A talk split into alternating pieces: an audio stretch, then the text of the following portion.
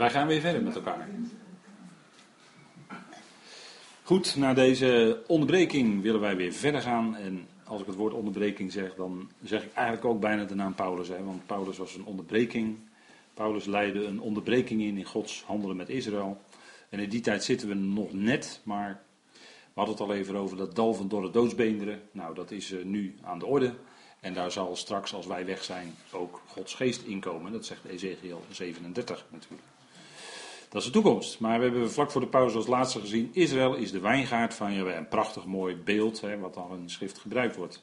Goed, we gaan even terug naar een andere prachtig mooi beeld. de rode draad. Excuses. Dankjewel.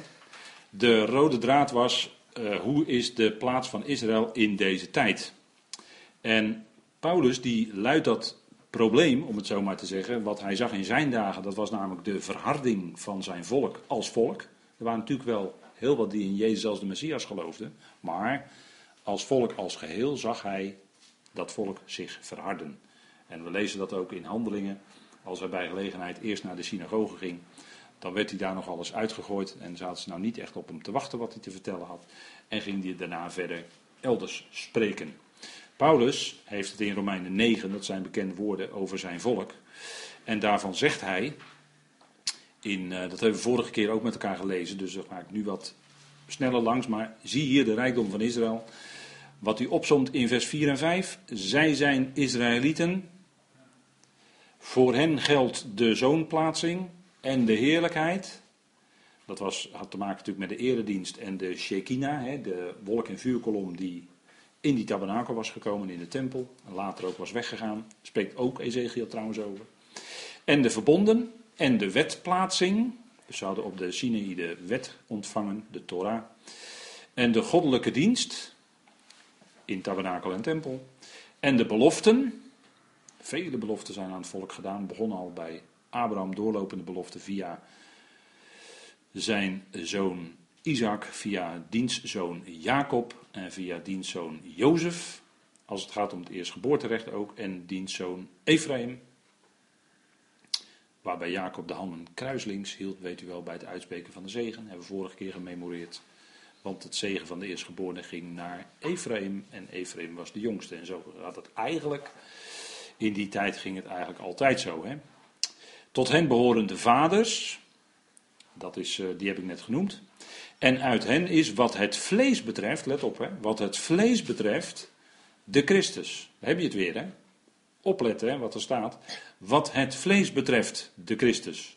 En daarom staat ook in Johannes 4, het heil is uit de Joden. Ja, want hij kwam naar het vlees voort uit Israël. Daar begon Paulus zijn Romeinenbrief ook al mee, hè, in Romeinen 1.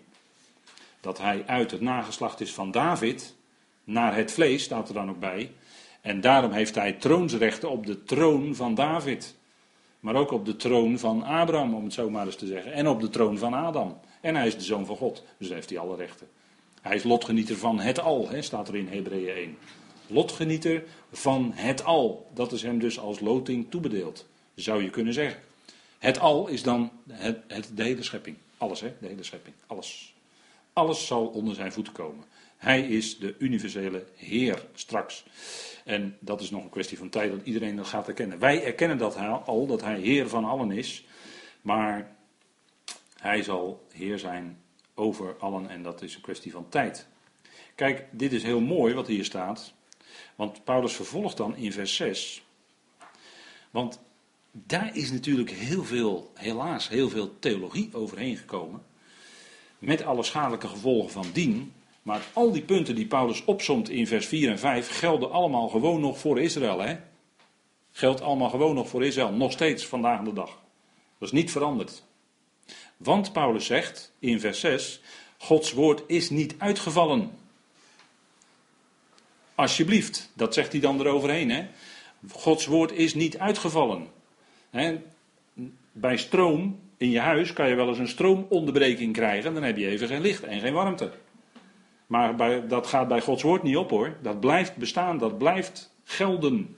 dit woord, al die woorden die aan Israël gegeven zijn, die belofte blijft allemaal gelden. Vandaar dat Paulus hier zegt, Gods woord is niet uitgevallen. Het valt niet weg. En heel mooi is dat je ernaast kan zetten, er wordt precies hetzelfde woord gebruikt voor uitvallen in, in 1 Korinthe 13. Daar staat dat de liefde, dat is die agape, die liefde van God, die valt nooit uit. En die zal net zo lang doorgaan totdat iedereen erbij is aan het eind van zijn plan. Omdat, waarom? Omdat Gods liefde nooit uitvalt. God is. Dat is altijd zo. Welk moment je maar bedenkt, voor de Ionen, na de Ionen, God is. En tegelijkertijd geldt ook, God is liefde. Dat God al voor de Ionen en dat geldt na de Ionen ook. En daarom, zijn liefde valt nooit uit. En daarom is het ook zo dat zijn woord niet uitvalt.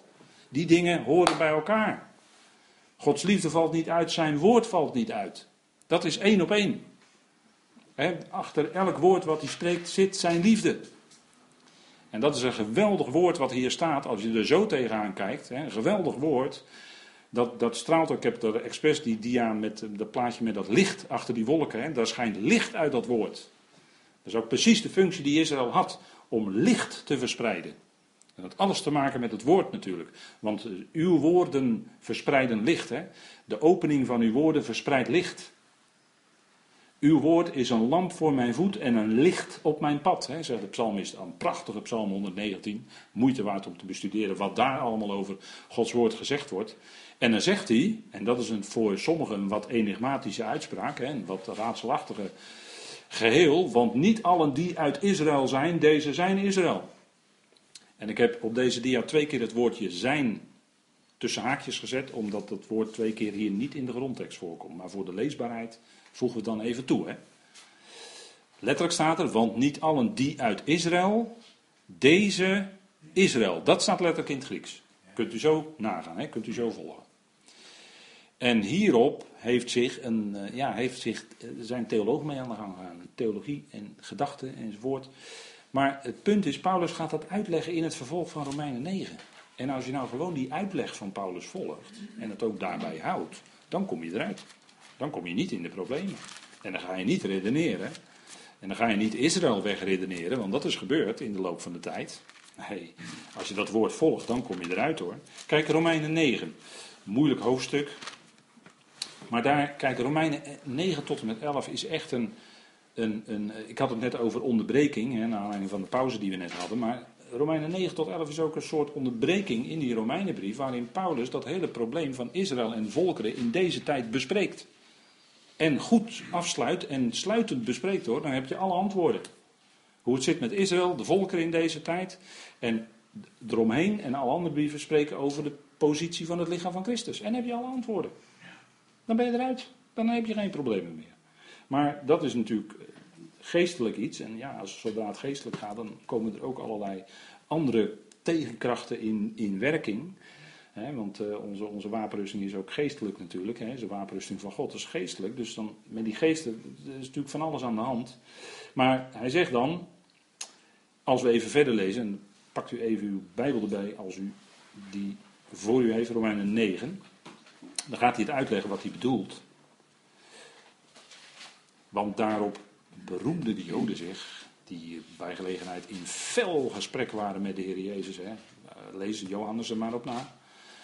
Vele gesprekken naar aanleiding van tekenen en wonderen die hij deed. En het ging me fel hoor, over en weer hoor. Want de Heer was heel fel tegen ze als het ging om de tradities enzovoort. En om het woord van zijn vader. Maar dan zegt Paulus ook niet omdat zij Abrahams nageslacht zijn, zij zijn alle kinderen. Maar in Isaac zal uw nageslacht of zaad geroepen worden. In Isaac. Dus het ging niet om Ismaël, want die was, daar gaan we weer, naar het vlees verwekt. Was wel een zoon van Abraham. En later kreeg hij bij Ketura ook nog een stuk of zeven, geloof ik. Kinderen. na, nadat Sarah overleden was, kreeg hij nog zeven kinderen bij Ketura. Maar waar het om gaat was, Isaac was de beloofde zoon. Dat was het nageslacht waar het om ging. Dat was naar de belofte. Het woord dus wat God gesproken heeft. En dan heb je iets geestelijks. Een woord is geestelijk natuurlijk. Een woord van God is geestelijk. En natuurlijk heeft het een uitwerking daadwerkelijk tastbaar, want het is dabar. En dan is het ook tegelijkertijd een daad, maar dat weet u wel. Gods woord is een, een, een woord en een daad tegelijkertijd. Maar in Isaac zal uw zaad geroepen worden, staat er ook. Zaad geroepen worden. Dus de kinderen van de belofte, dat is wat hij zegt in vers 8, dat is niet de kinderen van het vlees, zijn kinderen van God, daar gaan we weer. Maar de kinderen van de belofte worden als zaad gerekend. Gerekend door wie? Door God. En zo zouden wij ook rekenen. Dat is wat we in Romeinen uitgebreid al hebben geleerd, hè, als we in vers 9, eh, hoofdstuk 9 zitten. In hoofdstuk 6 hebben we al uitgebreid geleerd om te rekenen zoals God rekent. Maar goed, we moeten hoofdstuk 6 maar eens nalezen. Want dit is het woord van de belofte. Rond deze tijd zal ik komen en zal Sarah een zoon hebben. En niet alleen, maar zo ook Rebecca. En dan gaat hij gelijk door met Rebecca, die zwanger was van één, namelijk Isaac, onze vader. Want toen de kinderen nog niet geboren waren en niets goeds of kwaads gedaan hadden, opdat het voornemen van God, dat overeenkomstig de verkiezing is, stand zou houden, niet uit de werken, maar uit hem die roept, daar hebben we het weer. Het is die God die roept en het gaat dus niet om de werken. Dus het was voordat zij ook maar iets goeds of kwaads hadden gedaan, werd al vastgesteld, de meerdere, vers 12, zal de mindere dienen. Dus Esau zou Jacob dienen. En dat was de belofte. Dat was aangezegd. Zoals geschreven staat, Jacob heb ik lief en Esau haat ik. Haten is dan in de Bijbel eigenlijk op de tweede plaats stellen. Hè? Dat is niet het menselijke haten natuurlijk, maar dat is op de tweede plaats stellen. En dat is zoals God dat verkiest. Hij kiest Jacob en Esau voor de time being, voor de tijd, op een ander spoor. Zo werkt God. Hij kiest zijn volk Israël later uit de andere volkeren en al die andere volken op een ander spoor. Zo doet God dat. En waarom God Israël gekozen heeft, nou dat is toch zijn zaak, dat is toch zijn liefde. Dat is, dat is nou eenmaal zoals hij dat geregeld heeft, ingeregeld heeft in zijn plan. En zo zouden wij ook dan rekenen. En dan komt natuurlijk die vraag, gelijk die menselijke vraag. Wat zullen wij dan zeggen? Is er onrechtvaardigheid bij God? Nou, het antwoord is duidelijk, hè. Mogen dat niet gebeuren? Of volstrekt niet? Uitgesloten. Dus God kiest. En dat doet hij op grond van zijn liefde. En dan geeft hij belofte aan degene die hij gekozen heeft. En die belofte gaan door. dat woord dat blijft vaststaan. En dat is het antwoord. Gods woord is niet uitgevallen. Want niet alle die uit Israël zijn, deze zijn Israël. Dan gaat hij duidelijk maken, het gaat om de geestelijke zaak. Het gaat wel degelijk om in de toekomst, als Israël dat volk zal zijn, in het middelpunt van de wereld, dan zullen zij een gelovig volk zijn. Dan zullen zij Yahweh dienen. Dan zullen zij daadwerkelijk dat woord geloven. Dan zullen ze geloven in Jezus als de Messias. Dat zal dan bovenaan staan. Ze zullen zien wie ze doorstoken hebben. Daar gaat het om. Dat is de, en dan zullen ze ook weer op die plaats zijn die God hun oorspronkelijk ook had toebedacht, toebedeeld. Koningen en priesters op deze aarde. Zijn u en ik niet, lichaam van Christus is niet koning en priesters op aarde. Staat nergens. Staat alleen van Israël geschreven. Zij zullen koning en priesters hier op aarde zijn. Wij niet, wij hebben een hele andere plek. Boven, met Christus, te midden van de hemelingen, te midden van de hemelsen. Met een bediening voor die hemelse machten en krachten. Dat is heel wat anders. Dat zijn twee verschillende lijnen die in de schrift liggen. En je eigenlijk, als je dat weet, ben je in feite alle, uit alle problemen. Heb je in feite helemaal geen probleem meer. Heeft Israël de eigen plek die God er toebedeeld op aarde.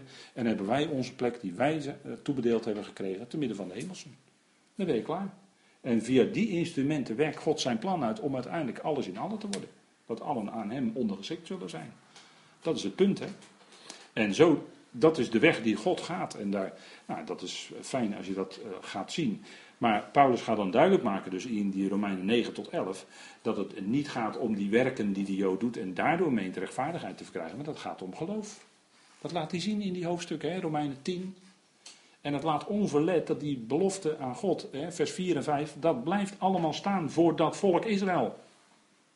Geen, geen twijfel over mogelijk. Want Paulus is daar gewoon heel duidelijk in. Goed, gaan we weer even naar een ander beeld. Wat is Israël? Israël wordt ook voorgesteld als een vijgenboom. Dat is weer een heel ander beeld, hè? Een heel ander beeld. De vijgenboom. En die komen wij al tegen in Genesis, weet u wel. Adam en Eva, die hadden gezondigd en ze namen zich vijgenbladeren, staat er dan. En als je dat zo leest, en ik was dat uh, aan het lezen zo, toen dacht ik van, kijk die, en dat had alles te maken met die boom van kennis van goed en kwaad, daar aten ze van. En die was goed om te eten enzovoort. En toen dacht ik ineens, misschien was die boom van kennis van goed en kwaad wel een vijgenboom, zou zomaar kunnen. Want wat gingen ze doen? Zij bemerkten aan elkaar dat ze naakt waren. En wat gingen ze doen? Ze gingen zich schorten maken van vijgenbladeren. Dat zijn grote bladeren en daar kun je makkelijk jezelf mee bedekken. Alleen, daarin beeldt eigenlijk de schrift al uit dat die mens zichzelf dus schorten maakt van bladeren. Dus bezig is met eigen werken, want dat is het eigenlijk. En zich daarmee als het ware bedekt. Eigen werken. Dat is al een hele vroege, hele, uh, ja, eigenlijk al een heel stuk vroege prediking over dat het niet gaat om die eigen werken van de mens. Want waar komt God mee? Waar komt God mee? Een dierenhuid. Dus er moet een dier geslacht worden. En dan de huid eraf. En dat kregen de mensen dan aan als kleding. Dus het ging niet om jouw werk. Jij plukte die vijgenbladeren van die bomen. Je maakte daar zelf schorten van. Zijn eigen werken. Zijn eigen werken. Maar God neemt een dier. Hij slacht dat. Een onschuldig dier, zeggen wij. Hij slacht dat. En bekleedt de mens daarmee. Natuurlijk, prachtige typologie zit daarin. Dat wij uiteindelijk, hè, als ik hem even heel snel doortrek, ik hoop dat u dat met me wil volgen, maar als ik hem heel snel doortrek, werd er iemand onschuldig geslacht, ooit 2000 jaar geleden, en is degene die opgestaan is en wij worden bekleed met zijn heerlijkheid. Wij worden bekleed met Christus. Dat zegt de schrift. En dat zit in feite al in die, in die eerste hoofdstuk van Genesis, Genesis 2 en 3. Hè. Dat is een lijntje wat je zo kan trekken. En dat zijn prachtige beelden. Ik geniet ervan. Hè. Als dat soort dingen uit de schrift naar boven komen, ja, dan zit ik volop te genieten. Dat is echt voor mij een, uh, dat is voor mij een feestje. Ja, ja. Maar kijk, in Matthäus 21, daar zien we dat de Heer dat beeld gebruikt. En ook in Hosea voor Israël. En in Matthäus 21, daar spreekt de Heer dan tegen die vijgenboom die hij daar ziet. Want hij was een beetje verbaasd. En waarschijnlijk was het toen begin april, toen hij bij die vijgenboom kwam. En hij was een beetje verbaasd dat hij toen al zo'n enorm gebladerte aan die boom zag. Want normaal gaan ze pas in mei echt veel bladeren krijgen. En bloesems en uh, noem alles maar op. En dan krijg je natuurlijk later de vijgen. Hè? Dus hij was daar verbaasd over. Laten we even met elkaar opzoeken. Matthäus 21, de vijgenboom. En dat is een, eigenlijk een beeld van Israël politiek gezien. Het nationale politieke Israël. En Israël die wilde zich ook in die tijd toch wel uh, ja, laten gelden, om het zo maar te zeggen. Ook politiek gezien, maar er waren die Romeinse overheersers natuurlijk. En dan komt de Heer dus bij die vijgenboom. En dan komen natuurlijk nog op andere momenten, die tekst heb ik aangehaald, hè, die kunt u uh, nalopen. Dan komt hij die vijgenboom tegen, Matthäus 21. En dan staat er, en s'morgens vroeg, toen hij terugkeerde naar de stad, kreeg hij honger. En toen hij een vijgenboom langs de weg zag, ging hij, vers 18 en 19, Matthäus 21. Ging hij er naartoe en vond er niets aan dan alleen bladeren. En hij zei tegen hem, laat er dan nu geen vrucht meer groeien, ja, en dan staat er eigenlijk voor de aion. En zo is het ook, hè, voor de aion. Of naar binnen de eon staat er eigenlijk. En de vijgenboom verdorde onmiddellijk. Op het woord van de Heer. Toen de discipelen dat zagen, verwonderden zij zich en zeiden: Hoe is die vijgenboom zo ineens verdord? Maar Jezus antwoordde en zei tegen hen: Voorwaar, ik zeg jullie, als jullie geloof had en niet twijfelden, zouden jullie niet alleen doen wat er met de vijgenboom is, maar zelfs als jullie tegen deze berg zouden zeggen: wordt opgeheven en in de zee geworpen, dan zou het gebeuren. Maar alles wat u in het gebed vraagt, in geloof, zult u ontvangen. Het gaat even om die vijgenboom. Die berg is waarschijnlijk de olijfberg, waar ze dan op dat moment dichtbij zijn. Maar die vijgenboom is een beeld van Israël. En daar was wel gebladerte, dus als nationale staat leek het misschien wel wat, net zoals in onze dagen. Maar het was alleen bladeren. En hij keek eronder en er zat geen vrucht. En zo is het ook in onze dagen. Het zijn alleen bladeren, maar er zit geen vrucht. Want alleen door de geest kan er werkelijk natuurlijk vrucht zijn bij dat volk. En dan zegt hij, ja, laat dan voor de Aion groeit er geen vrucht meer aan jullie. En zo is het ook. Tot op vandaag aan de dag is het, wat Israël betreft, politiek gezien, vruchteloos geweest. Maar, dat gaat natuurlijk veranderen. Dat gaat veranderen, dat weten wij. En hoe weten wij dat? Uit Matthäus 24, want dan komen we opnieuw die vijgenboom tegen. Matthäus 24. En dan is het toekomstmuziek. Dat is nog toekomstmuziek, maar misschien zien we er al iets van in onze dagen. En dat is altijd mooi, hè? Ik vind dat een prachtig onderwerp. We hadden dat ooit op bijbelschool een leraar die dat geweldig kon. Typologie in de natuur. Nou, dat was fantastisch. Dat was echt fantastisch. En die behandelde zo allerlei bomen en vruchten. En, en dan aan de hand van de schrift, wat dat dan betekende. Echt geweldig. En dus typologie in de natuur komt in de Bijbel natuurlijk ook uitgebreid voor. Want de vijgenboom komen we tegen en nog veel meer bomen. En de olijfboom en de wijngaard hebben we al gehad. Hè? Leer van de vijgenboom deze gelijkenis. Wanneer zijn tak al zacht wordt en de bladeren uitspruiten, dan weet u dat de zomer nabij is. En misschien zien we er al iets van in onze dagen. We zien een nationale staat Israël. En daarvan zou je misschien kunnen zeggen: kijk, het lijkt er al op of die takken al een beetje zacht worden. Lijkt er soms het een beetje door gaat breken. Maar we weten dat er eerst nog andere dingen moeten gaan gebeuren. Want de zomer, de zomer is in de schrift vaak een beeld van het komende koninkrijk. De zomer. En als die zomer komt, dan gaat de zon op, volgens de profeet de zon van de rechtvaardigheid of de zon van de gerechtigheid. Dat is de Heer Jezus Christus. Hij is de zon van de gerechtigheid, volgens Malachi. En als die zon opgaat over deze aarde, ja, dan komt zijn koninkrijk ook. Want dan gaat hij schijnen als het licht van de wereld. Dat zei hij ook van zichzelf. En dat kon hij zeggen. Ik ben het licht van de wereld. En dat is hij ook. En, uh, want wie hem leert kennen, ja, die heeft licht. Die heeft licht in zijn hart, heeft licht in zijn leven, heeft licht op zijn weg en een toekomst. En dat is wat hij doet, hè. Lichtdrager zijn. En daarin was hij ook een uitbeelding van wat Israël zou zijn. De zomer nabij, zo ook jullie, wanneer jullie al deze dingen zult zien, heel Matthäus 24. Weet dan dat het nabij is voor de deur. Maar dat is een heel apart onderwerp, Matthäus 24. Maar in ieder geval die vijgenboom, hier vergelijkt de Heer dus weer met een, zijn volk met een vijgenboom. Zijn volk is een vijgenboom en zij zullen politiek in de wereld aan de spits staan in het komende koninkrijk als koningen, politiek en priesters, godsdienstig. Dus die twee facetten, en die zien we ook steeds terug in de studies van Daniel en Openbaring, hè, waar we ook mee bezig zijn, zoals u weet. Daar zien we die twee facetten ook steeds terugkomen, zowel de politieke als de godsdienstige verlossing van deze aarde. En hij is koning en priester. En Israël zou ook zijn koningen en priesters. En dat zullen zij ook zijn. Zeker. Lucas spreekt verder over een wilde vijgenboom. En dat gaan we niet met elkaar opzoeken, maar u weet dat daar soms een, uh, een fiscus in zit. Hè? Een uh, oppertollenaar, hè? een belastingambtenaar, Zacchaeus. Oppertollenaar was hij, hij was rijk geworden van, uh, en daarom waren ze niet geliefd door in Israël. Maar goed, daar, dat kunt u zelf nazoeken waarom dat dan was. Maar naast de gewone belastingen deden ze nog wat extra's en vulden dat hun eigen zakken mee. Hè. Nou, zo iemand was Zacchaeus ook en die was klein van gestalte en die ging in de vijgenboom zitten. En er was een wilde vijgenboom, staat er dan. Hè. Een moerbij vijgenboom, dat is eigenlijk een wilde vijgenboom. Die brengt ook andere vruchten voort. Maar dat is eigenlijk een beeld, die wilde vijgenboom is eigenlijk een beeld van de politieke overheersing op dat moment van de Romeinen. Waar Zacchaeus wel bij aangeschoven was, want ja, hij was wel tollenaar in dienst van. En hij stuurde weliswaar niet die blauwe enveloppen, maar het is tegenwoordig ook al voorbij, hè, die blauwe enveloppen, want alles gaat digitaal. Maar uh, ja, die belastingaanslagen die komen nog steeds. Hè. Maar goed, in ieder geval, Zacchaeus was zo iemand en die was niet geliefd daardoor. Goed, en dan gaan we weer verder met de lijn waar we in zitten. Israëls positie in deze tijd van genade. En Paulus die gaat dan in Romeinen 9 tot 11 nog wat verder. En dat is wat, dan denk je van, lees hè, lees het, lees het. Romeinen 11 vers 1. Hij zegt, het gaat om geloof. Rechtvaardigheid, geloof, daar gaat het om. Israël jaagt iets anders na, namelijk rechtvaardigheid door werken.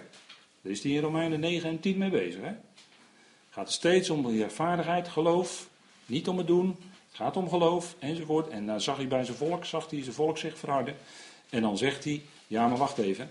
Ik zeg dan, Romeinen 11 vers 1, en ik heb het op deze dia uitgeschreven. Ik zeg dan, heeft God zijn volk verstoten?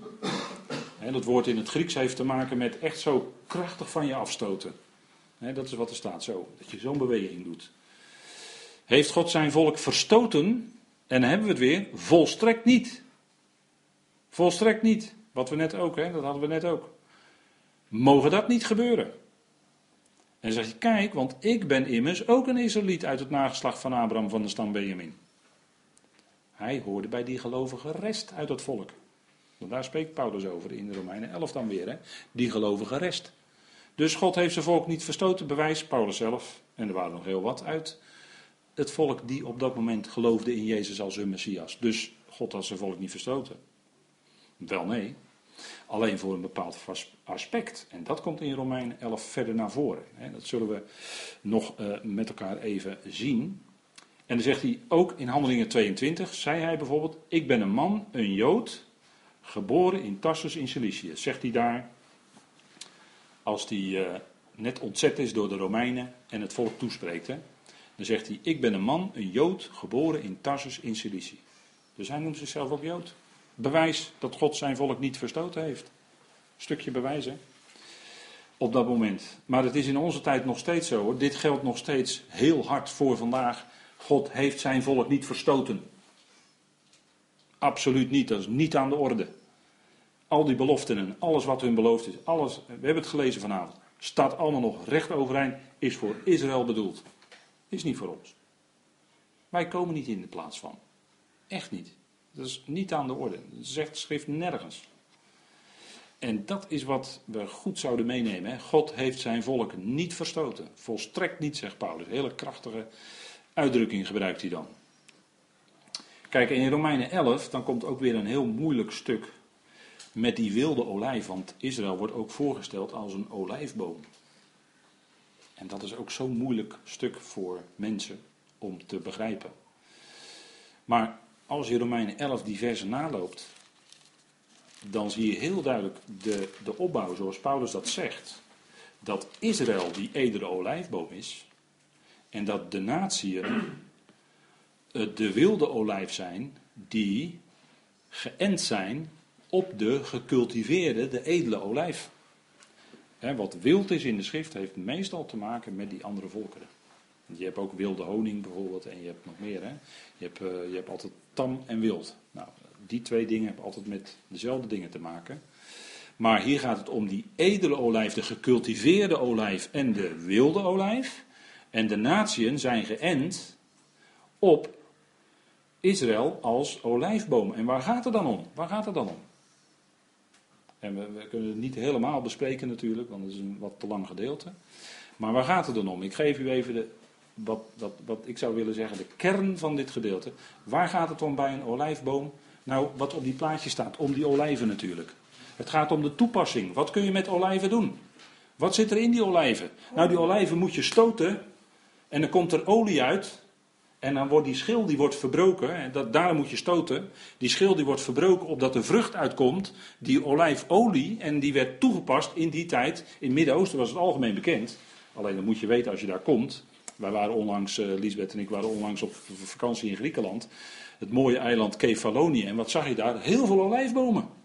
En die zie je daar in het subtropische klimaat. In Israël ook de olijfberg, staat er vol mee. Olijfbomen. Want waar gaat het om? Het gaat om die olie uit die olijf, want die wordt gebruikt voor. Wat is de hoogste toepassing voor olie? Lampen, voor licht. Licht. Dat is het punt, hè? Want in die tijd, wanneer Paulus spreekt, was olijfolie hetgeen wat licht gaf in de huizen en op straat buiten. Allemaal lampen, allemaal olijfolie. Hadden ze geen elektriciteit zoals wij dat hebben. Dat is heel anders. En oh, dan had je de, de tweede. Uh, de, eerste was de beste, uh, best geperste olijfolie. Hè. Die werd uh, gebruikt voor, de, de, voor het licht, ook in de tabernakel en in de tempel. Hè. In die geweldige menorah. Als u in Jeruzalem komt, dan kunt u hem niet missen. En u wilt hem dan ook niet missen. Ik wilde hem niet missen. Ik heb er twee keer heel tijdje naast staan kijken. Een schitterende, echt gouden menorah die daar staat in de straten van Jeruzalem. Echt schitterend. En daar kan je echt gewoon een tijd naar kijken. Ik wel. Ja, ik ben dan zo'n, misschien zo'n vakidioot of zo, hoe je dat noemen wil. Maar uh, ik vind het geweldig dat ze dat hebben. Dat hele Tempelinstituut heeft al dat gerei. En dan die, die kandelaar, dat is het licht. En dat spreekt natuurlijk van het licht van het woord van God. Het licht van wat, van wat, God, van wat vanuit God uitgaat. God is licht en in hem is het geheel geen duisternis. Dat, dat, dat is het. Dat is het. En daar is, die, die kandelaar die verlichtte de tempel en de tabernakel in het heilige. Uh, in het heilige. Het heilige der heiligen was de, de heerlijkheid. Maar in, in het heilige was die, die, die menorah, die gaf daar licht. Er was olijfolie. Dat gaf licht. Dat was een beeld van de verspreiding van het licht door Gods woord. Israël is bedoeld als licht voor de natieën, zeggen de profeten. Dat licht zouden zij verspreiden door de onderwijzing van Gods woord. Het woord zal uitgaan uit Sion en de, de onderwijzing vanuit Jeruzalem.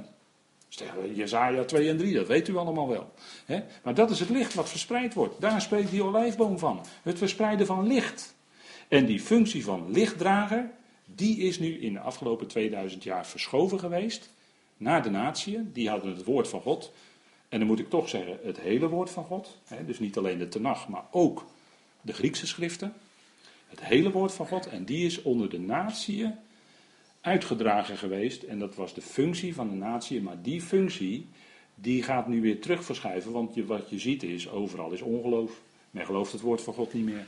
Men zegt, uh, nou ja goed, ik ga me niet vermoeien met al die theorieën.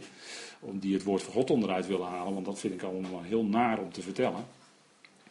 Omdat het gewoon niet klopt. Maar dat woord van God, die lichtraadsfunctie, die verschuift nu weer terug naar Israël. En daar heeft Paulus het over in Romeinen 11. En de verwarring zit altijd op het punt dat die takken enzovoort waarover gesproken wordt, van dat enten en er weer uitgehouden worden en de natuurlijke takken enzovoort, hè, dat wordt toegepast op personen zoals u en ik zijn. Maar het gaat niet over individuele personen, het gaat over volkeren. Het gaat over Israël en de volkeren, dat is het punt. En als je het, dat is de enige, uh, denk ik ook de enige manier om het, om het echt te kunnen verstaan, want dat is ook het tekstverband. Hij heeft het vanaf Romeinen 9 over Israël en de volkeren. Het tekstverband is altijd beslissend, hè, hoe je een gedeelte moet begrijpen. Altijd vanuit zijn tekstverband lezen. En daar gaat het hier om. Het gaat hier om vanaf Romeinen 9 tot 11 over Israël en de volkeren. Het probleem van Israëls verharding. Israël was die lichtdrager, Israël was die olijfboom. En dat is verschoven naar de natie, dat zag Paulus in zijn dagen gebeuren. De natie kreeg die lichtdragersfunctie. Die, die werden geënt op die, hè, tegen hun natuur werden ze geënt op die edele olijf. En zo kregen ze deel aan dat woord en dat licht enzovoort. Hè, maar ze werden daarop geënt. Nou, en dan gaat het terug in onze tijd. Nou, dat is uh, wat, we, wat we zien gebeuren. Hè. De volkeren, de natie vervallen weer tot ongeloof, vervallen terug in heidendom enzovoort enzovoort. En het licht verdwijnt, het licht gaat uit hè, in onze dagen. Goed, ik wil het eh, hierbij laten voor vanavond.